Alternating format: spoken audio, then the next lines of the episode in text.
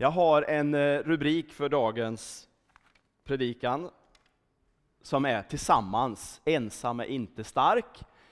Men innan så ska jag berätta lite grann om vem jag är. Jag är gift med Helena. Jag bor alltså i Deje och är uppvuxen i Kristinehamn. Jag var sex år när vi flyttade till Kristinehamn. Min, min pappa Roland Leben började som eh, pastor i Pingstförsamlingen där.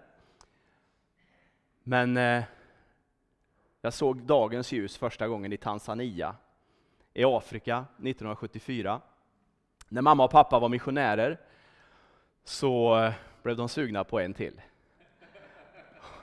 Så kom jag. Tyvärr blev mamma sjuk i samband med förlossningen, så att eh, jag var bara två månader när vi flög hem. Mina bröder Martin och Andreas de fick lära sig swahili, och min lilla syster som sen vart född 1980, hon eh, fick aldrig se Afrika. Men som sagt, kärleken till Afrika, det är någonstans lite häftigt. Och jag drömmer om att få åka tillbaka, för jag har aldrig varit dit igen. Jag pratade lite grann med pappa här om veckan och sa, men pappa ska vi inte ta och göra en resa, bara du och jag? Se om vi kan åka dit. Vi får se. Sen har jag eh, tre tjejer. Det är Elin som är först i bild där, hon är 16 år. Vi har Evelina som är 18 och Ester längst bak som är 23. Så jag har Triss i S kan man säga. Så försök inget. Det bubblar i mig den här förmiddagen och jag känner mig inspirerad. Och så tänkte jag så här i början på gudstjänsten, är jag så här inspirerad varje gång jag går till kyrkan? Att få vara på en ny plats, att få förtroendet att predika, är jag jättetacksam för och tack för inbjudan. Och så tänker jag på när jag går till kyrkan och sitter som du gör och lyssnar på de som sjunger, spelar och är med. Och så tänker jag, ja, när vi har förväntan på rätt ställe så kanske jag skulle vara så här bubblande och förväntansfull varje gång som du och jag går till kyrkan. Och du kanske är det idag och då gratulerar jag dig.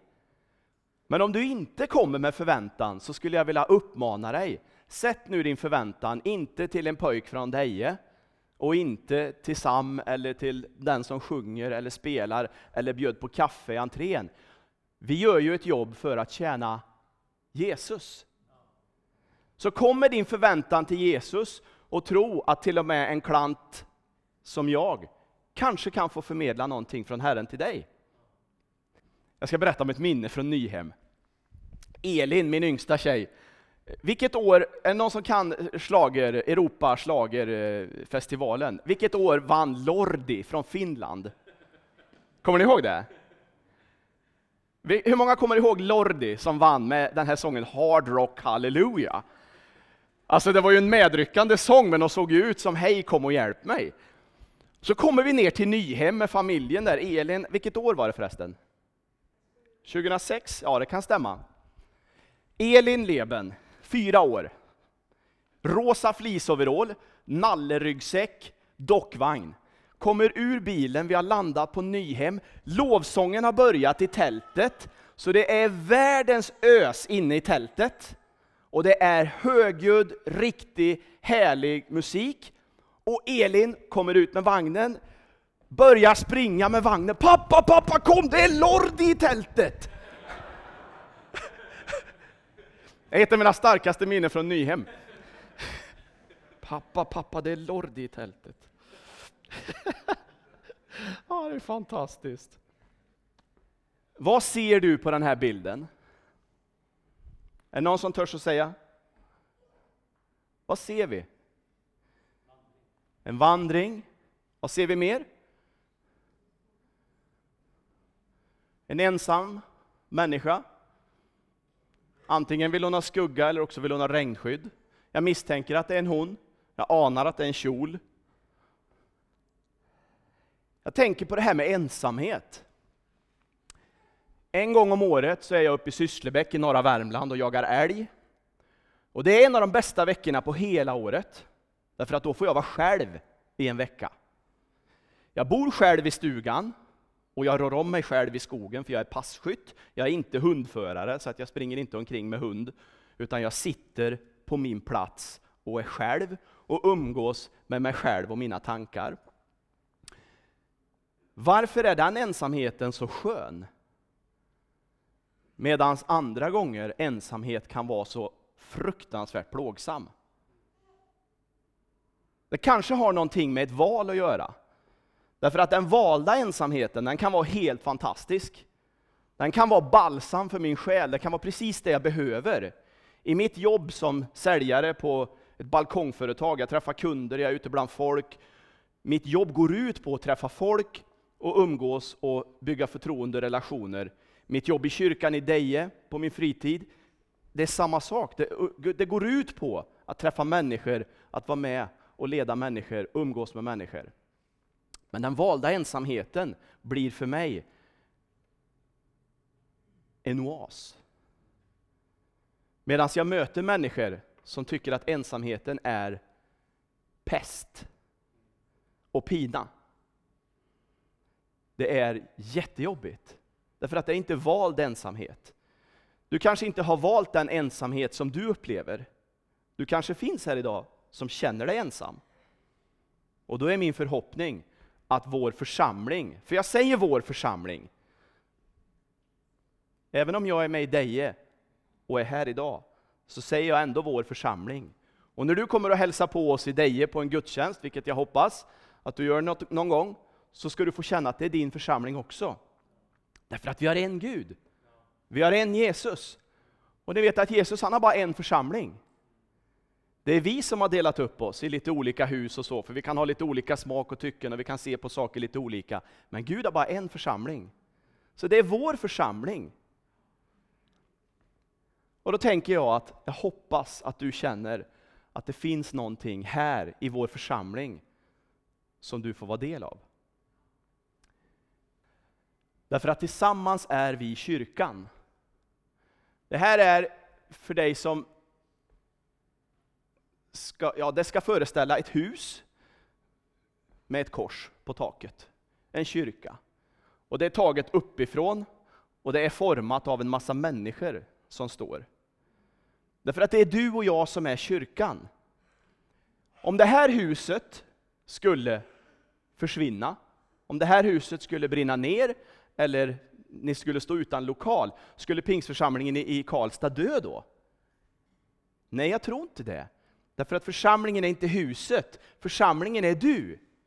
Och jag, och du, och du. Det är vi som är kyrkan. Och när det här landar i mitt hjärta, när det här landade i mitt hjärta på riktigt för några år sedan, ungefär 2011, så kan jag säga att då någonstans började det landa på riktigt här inne att jag är kyrkan tillsammans med mina vänner. Tillsammans med övriga som tror. Jag behöver ta min plats i kyrkan. Du behöver ta din plats i kyrkan. Jag ska läsa några versar, men jag kommer att läsa från slutet av första Korinthierbrevet 12. Så vill du gå hem och läsa sen så kan du läsa första Korinthierbrevet 12 och 13. Guds sätt att foga samman kroppen till en enda helhet, det är ett mönster för vårt liv tillsammans som kyrka. Alla delarna är beroende av alla de andra. Både de delar, både de delar, det är mycket prat om, både de delar det är mycket prat om, och de som sällan nämns.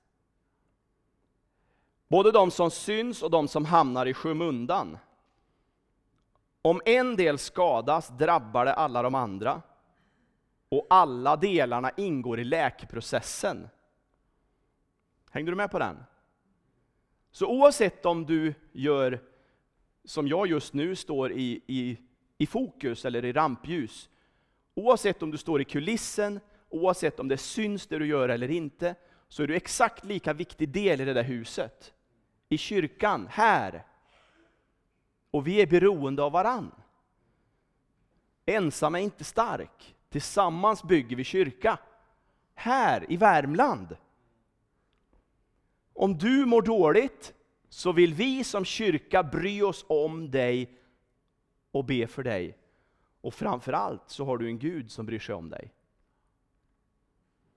Om en del prisas delar alla glädjen över det.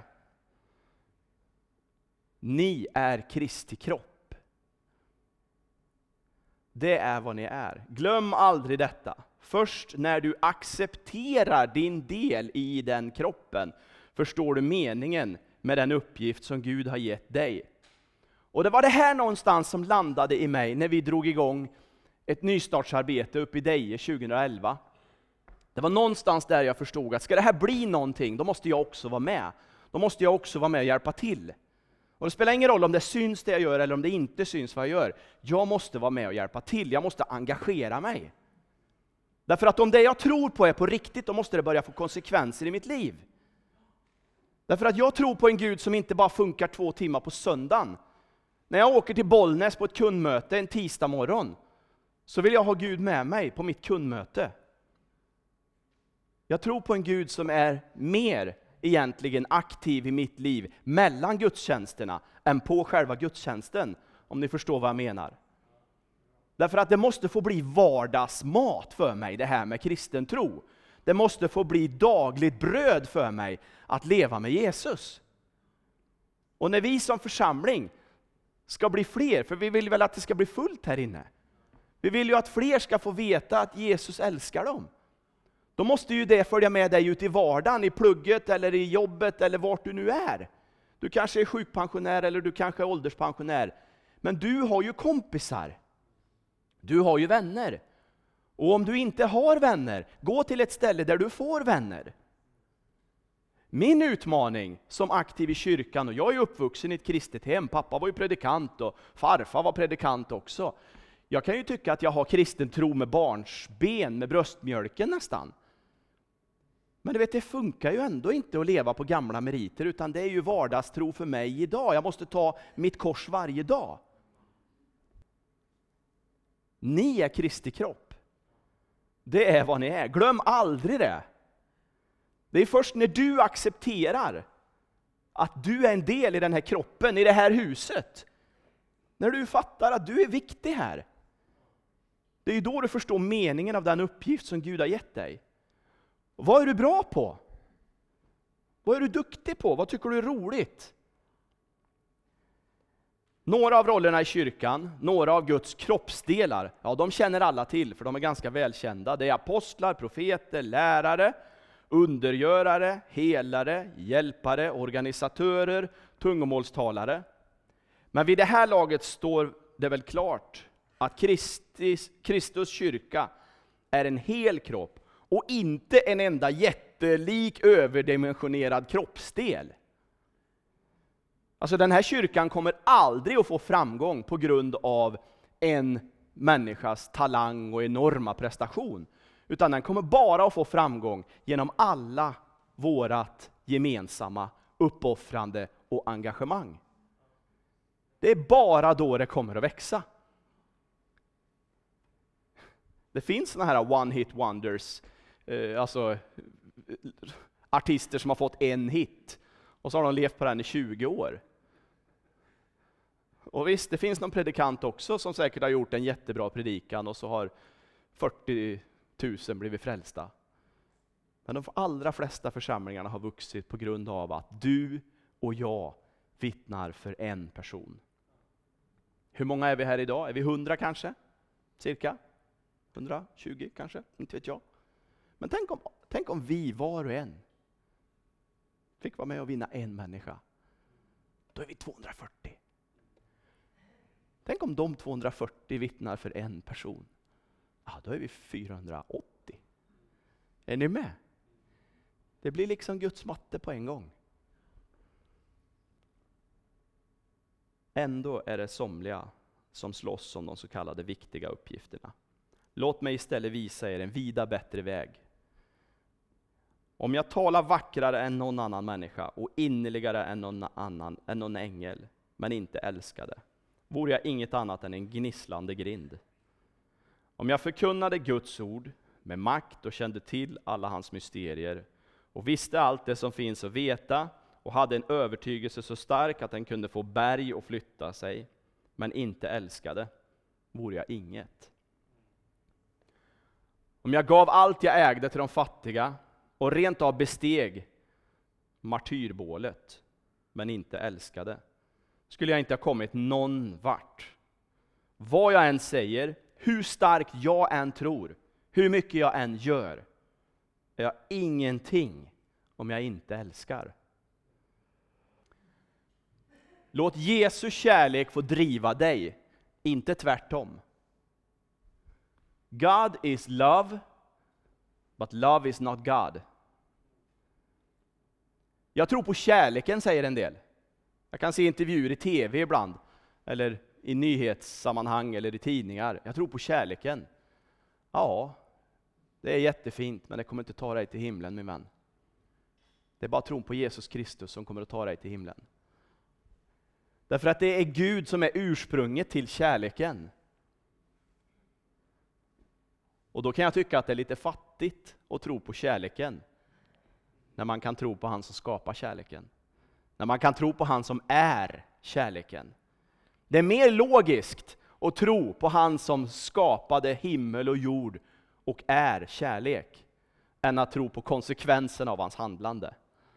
Är du med? Därför att om du drivs av att vara snäll och bra och god hela tiden, då kommer du att bli trött. Du kommer att slita ut dig. Men om du sätter ditt ankare i Jesus, och att det är det viktigaste. När du kommer till gudstjänst är det viktigaste att få en refreshing med Jesus, att få en nystart. Idag! 10 juni. Idag.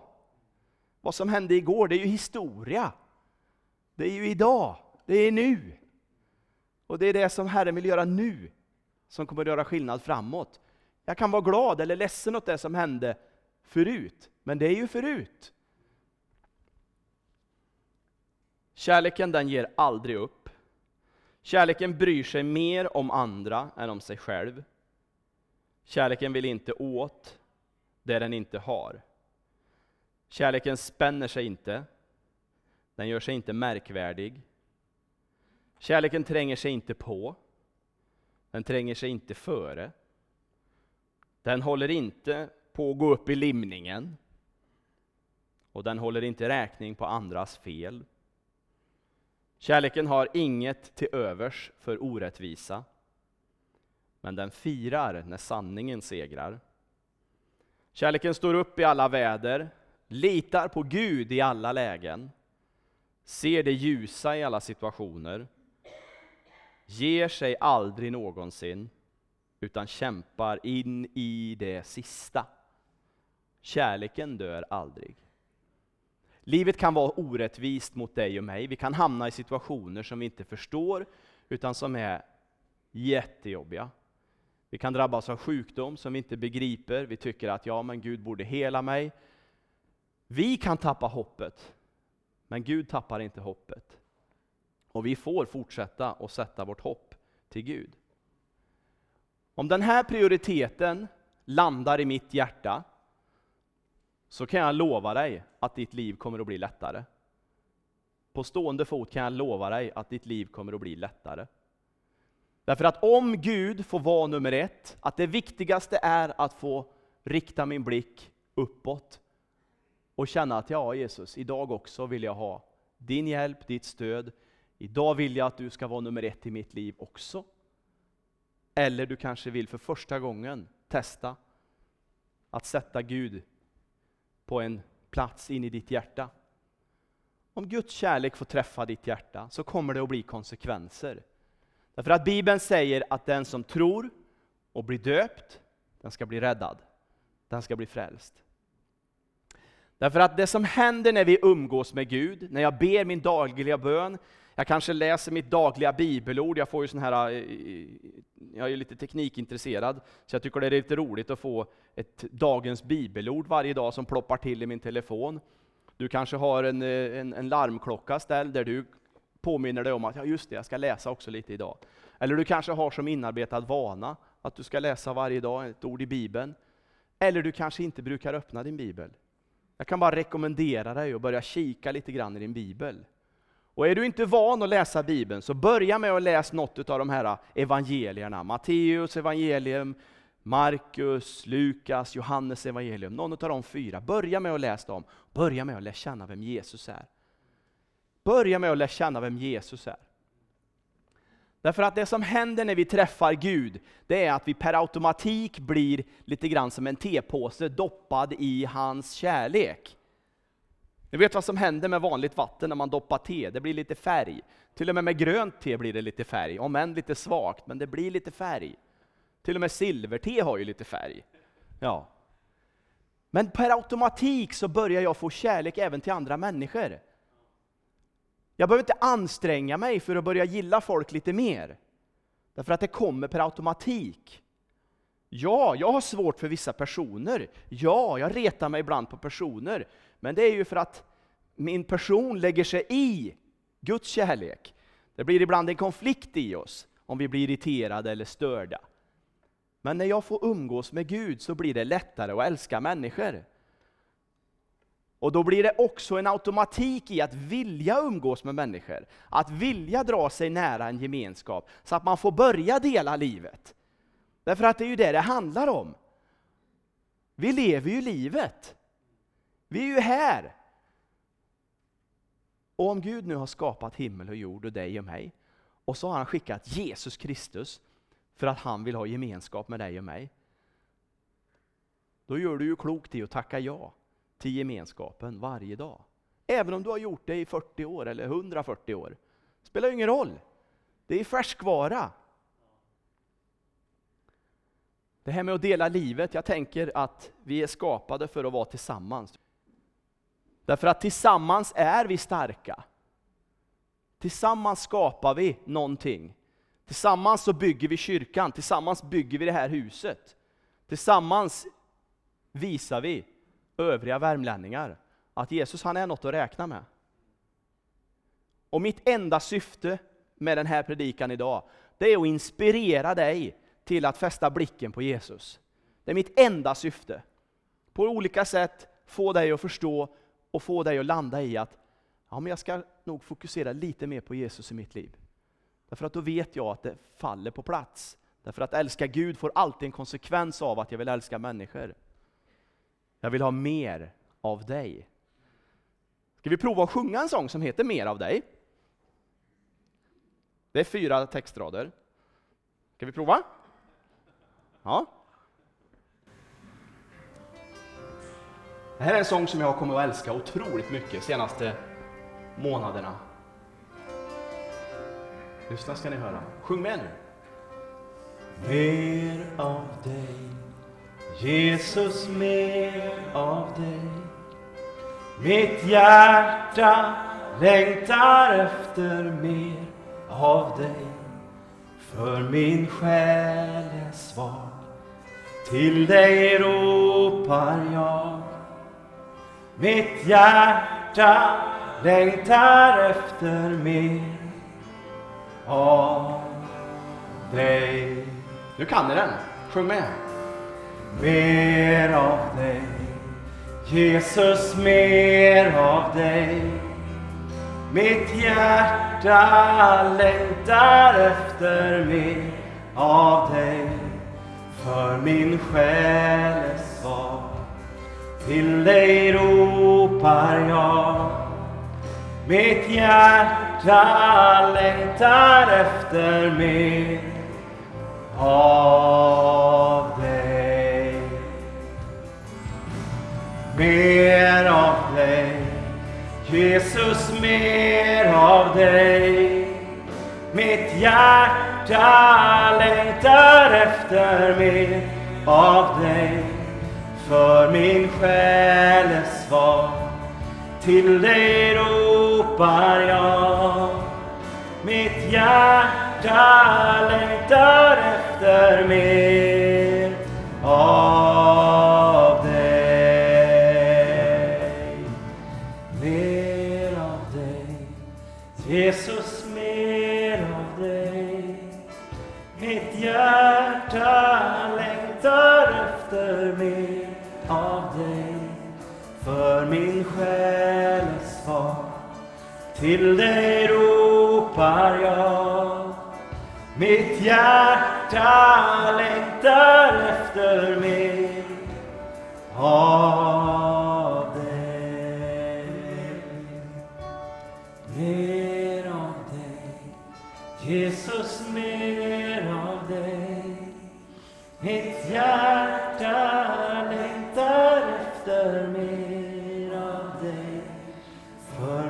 själens svar till dig ropar jag.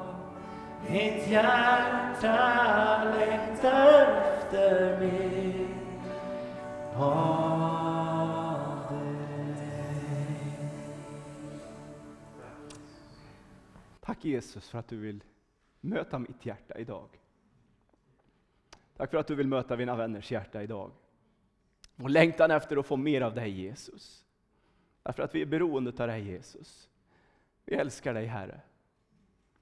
Vi litar på dig Jesus. Halleluja. Vet, jag kör över 8000 mil om året i min bil. Och det ger ungefär, om man slår ut det, ungefär 900 timmar bakom ratten. Och någonting som bär mig, det är såna här sånger. Där jag får sitta och lyssna och sjunga och känna Jesus, jag vill ha mer av dig. Jag lyssnar på P4 på nyheter också, jag lyssnar på annan musik också. Men du vet, ibland så måste jag bara få lova Jesus i lovsång. Ibland måste jag bara få prisa Jesus med min sångröst. Och är du inte begåvad med en sångröst, så stäng in dig och stäng dörren och vråla ändå när ingen hör. Till någon sång du tycker om. Därför att själen mår gott av att få ropa till Gud. Min svärfar, det här är roligt, nu ska jag lämna ut min svärfar. Han säger så här, när jag kommer till himlen då ska jag sjunga lovsång. För här duger jag inte mycket till när det gäller sången i alla fall. Och du kanske känner att ja, jag skulle gärna vilja ha en bättre sångröst, men vet du vad? Det är inte sångrösten det handlar om. Det handlar om att mitt hjärta ropar till Guds hjärta, att jag vill ha mer av dig. Vad gör du med din plats? Jesus han säger att vi ska bygga hans kyrka, om man läser i Bibeln. Och om vi är en del av kyrkan, då är alltså vi med och formar kyrkan. Är ni med på det? Okej? Okay? Ja. Om vi är med och formar kyrkan, då gör det oss till delägare i kyrkan. Är ni med på det också? Därför att vi är ju huset. Då är vi med som delägare i kyrkan, och om vi är delägare, då kan vi inte bara vara passiv, utan då måste vi vara aktiv. Då kan ju vi vara med och bidra. Ja, men jag kan ju inte sjunga. Nej, men du kanske kan hjälpa till med något annat då? Kom till dem som håller i uppgifterna och säg att ja, men jag vill hjälpa till, men jag vet inte riktigt med vad. Ja, men då kanske kan du få en uppgift då. Därför att tillsammans bygger vi kyrkan. Det är ju våran kyrka. Det handlar ju inte om att Robin spelar bas. Det handlar ju om att vi tillsammans bygger kyrka. Det är ju vi. Tillsammans med Jesus och varann. Det här är en läktarplats från, amerikan, eller från engelsk fotboll. Och nu säger du emot dig själv, säger du, därför att du sa ju att vi inte skulle bara vara passiv. Det här är ju en passiv publik. Ja, men vet ni vad? Min yngsta tjej Elin, som är 16, hon spelar mycket handboll. Hon är tokig i handboll. Och i handboll så är man sex spelare på plan och så är man en målvakt. Så man är sju spelare på plan i handboll. Vet ni vad man kallar publiken? Den åttonde spelaren. Därför att oavsett om du har en uppgift i själva gudstjänsten just nu, så är du delaktig som den åttonde spelaren. Kristianstad handbollsklubb har under många år nu varit bäst i Sverige i handboll. Och deras supportrar, de har tröjor, orangea tröjor för det är deras lagfärg, och så står det en åtta på ryggen. Därför att de är den åttonde spelaren. De har förstått att de är en del i lagets framgång. Så när vi samlas till gudstjänst, när vi sjunger, så är du viktig som publik. De här, har ni sett på fotboll någon gång på TV? Vilket vrål! De körar, de sjunger, de protesterar och de jublar. De är aktiva. Och ärligt talat så tror jag vi i Sverige är lite för flata ibland. Jag tror vi skulle må gott av att ha den åttonde spelaren lite mer aktiv. När det är sång, ja men sjung då, kläm i! När det är bön, ja men be du också! Höj din röst, låt det få höras. Och det är därför som det ibland blir lite volym också i lovsången. Det är därför vi lite grann höjer volymen ibland på högtalarna uppe i Deje. En del protesterar att vi har lite för högt ljud ibland. Men när vi höjer volymen lite grann, vet ni vad som händer då? Det här är väldigt pedagogiskt. För en del blir det lite för högt. Ja, det finns det hjälpmedel för och ibland får man stå ut lite grann. Men vet ni det som händer när det blir lite tryck i sången? Då törs andra sjunga med. När jag inte är fokuserad på hur mycket jag hörs, då törs jag sjunga mer. Det är jätteenkelt. När du inte behöver fundera på om grannen står och lyssnar på om du sjunger fel, då törs du sjunga mer. Det är därför vi ibland höjer volymen lite grann i kyrkan i Deje. Jag vet inte om ni gör det här, men jag hoppas det. Därför att det skapar lite tryck. Det är lättare att vara med och heja på. Jag pratade med en kompis som var på amerikansk fotboll igår och de spelade mot något danskt lag och det var världens tryck på läktarna. Därför att det var en klick med spelare, före detta spelare som var där. Och de var väldigt aktiva. Och de här 20-25 supportrarna som var otroligt aktiva och skrek och härja och heja, de ryckte med sig alla de andra. Det var liksom lättare att hänga på. Så ta din plats. Den är din. Och nu menar inte jag att du ska ha en stol här som är din, för jag uppmanar dig till att rotera också. Flytta dig! Nästa gång du kommer på gudstjänst, flytta på dig! Sätt dig någon annanstans!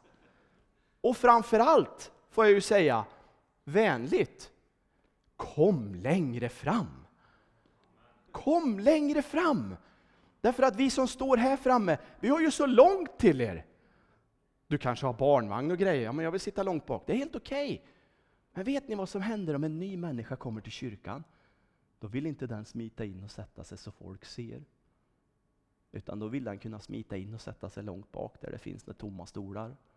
Och därför tänker jag att en kyrka som växer fyller vi framifrån. Så det är någonting som jag försöker att inspirera oss i Deje för, att fylla kyrkan framifrån. Och det här mingelfikat är ju fantastiskt bra. Jättebra initiativ. Tack till er som serverar kaffe i lobbyn.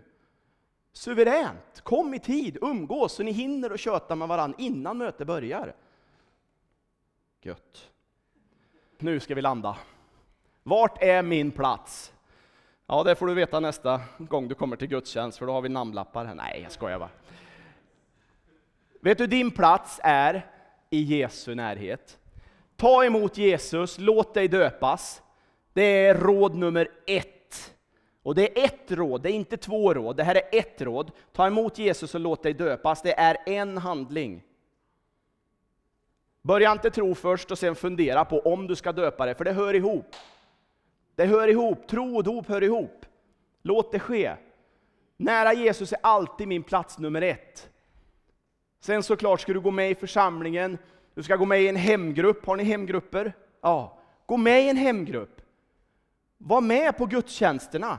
Kom, slut upp när du kan. Och som sagt, vad kan du? Hjälp till och driv huset framåt. Hjälp till! Hjälp till! Tillsammans är det så mycket lättare.